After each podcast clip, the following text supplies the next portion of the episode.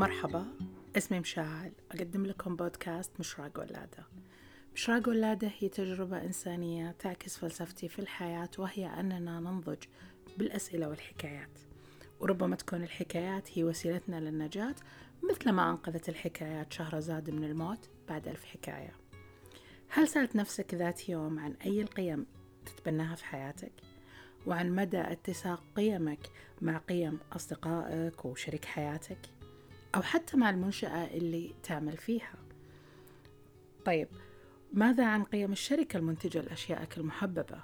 أو حتى أي القيم يتبناها نجمك المفضل واللي ممكن تنعكس على أعماله ودوره في المجتمع؟ كأب أو أم هل عمرك سألت نفسك عن القيم اللي تحاول تزرعها في أطفالك؟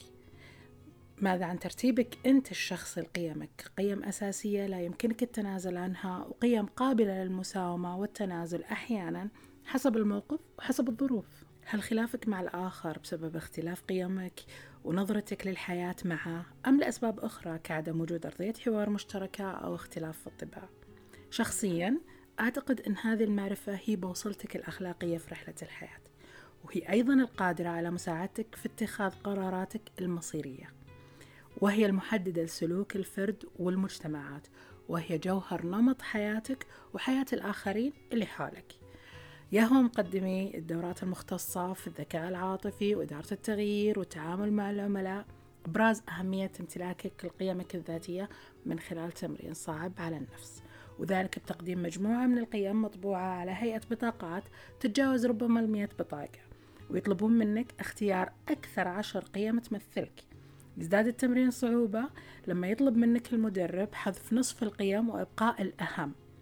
ولما تتصور أنك نجيت من هذا الفاخ راح تكتشف أن هذه النجاة مجرد راحة وقتية التحدي يزداد صعوبة الحيرة تزداد والصراع بداخلك يصل الذروة لما يطلب منك الإبقاء على ثلاث قيم فقط. رغم خضوعي لهذا التمرين لأكثر من مرة تقريبا خمس مرات إلا أنني أجد ذات الحيرة والصعوبة في كل مرة. قيمك لا تعني بالضرورة أن تكون ذات مرجعية دينية فقط لأن بحر القيم متنوع جزء منه يصنف كقيم اجتماعية البعض منها جمالية وحتى اهتمامات الفرد السياسية والاقتصادية تكون مرتبطة بالقيم اللي يتبناها. الاكتشاف المرونة الحكمة العطاء الصحة الحق الشرف المساواة العائلة الحرية السعادة الديمقراطية المعرفة النزاهة الشغف الأمان المالي الاستقامة الإنجاز العلاقة مع الله السمعة الاحترام الاكتشاف العدل الكرم التسامح هي أمثلة على قيم متنوعة. نحن محظوظين أننا نعيش بزمن التكنولوجيا اللي سهلت علينا أننا نتعرف على العالم وقبل هذا نتعرف على ذواتنا. يوجد على الإنترنت عشرات المواقع اللي تساعد الفرد أنه يكتشف ويتعرف على نفسه.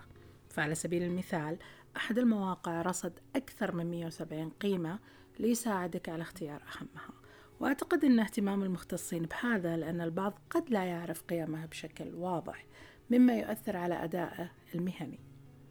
من تجربة شخصية أثناء حديث العابر مع البعض أو أحيانا في المقابلات الشخصية يكون هذا السؤال مربك للطرف الثاني وربما فخ يكشف أن الفرد لا يتمتع بمستوى عالي من معرفة الذات اللي هي أحد عناصر الذكاء العاطفي اللي ممكن تأثر عليه.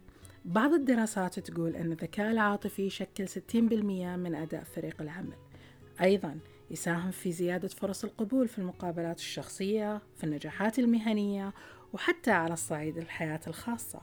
من ناحية التعامل مع الآخرين تحمل الضغوط إدارة مشاعرك الخاصة ومشاعر الآخرين اللي حولك. ويمتد تأثيره على جودة حياة الفرد.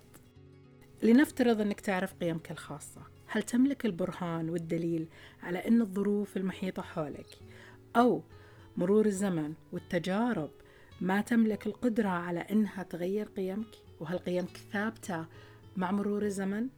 يمكن أشهر النماذج الأدبية اللي عالجت فكرة صراع القيم عند الشخص وأعتقد الأغلب مر عليها إما من خلال الرواية أو الفيلم المقتبس من الرواية هي رواية الجريمة والعقاب لدوستوفسكي ورواية اللص والكلاب لنجيب محفوظ ويمكن لأن الجملة الواردة في رواية نجيب محفوظ لا تزال عالقة في ذهني رغم مرور زمن من قراءتي للرواية راح أختار أتكلم عن روايته سعيد مهران بطل الرواية لما زار الشيخ الجنيدي يبحث عن مساعدة للنجاة وقال للشيخ هل في وسعك بكل ما أوتيت من فضل أن تنقذني؟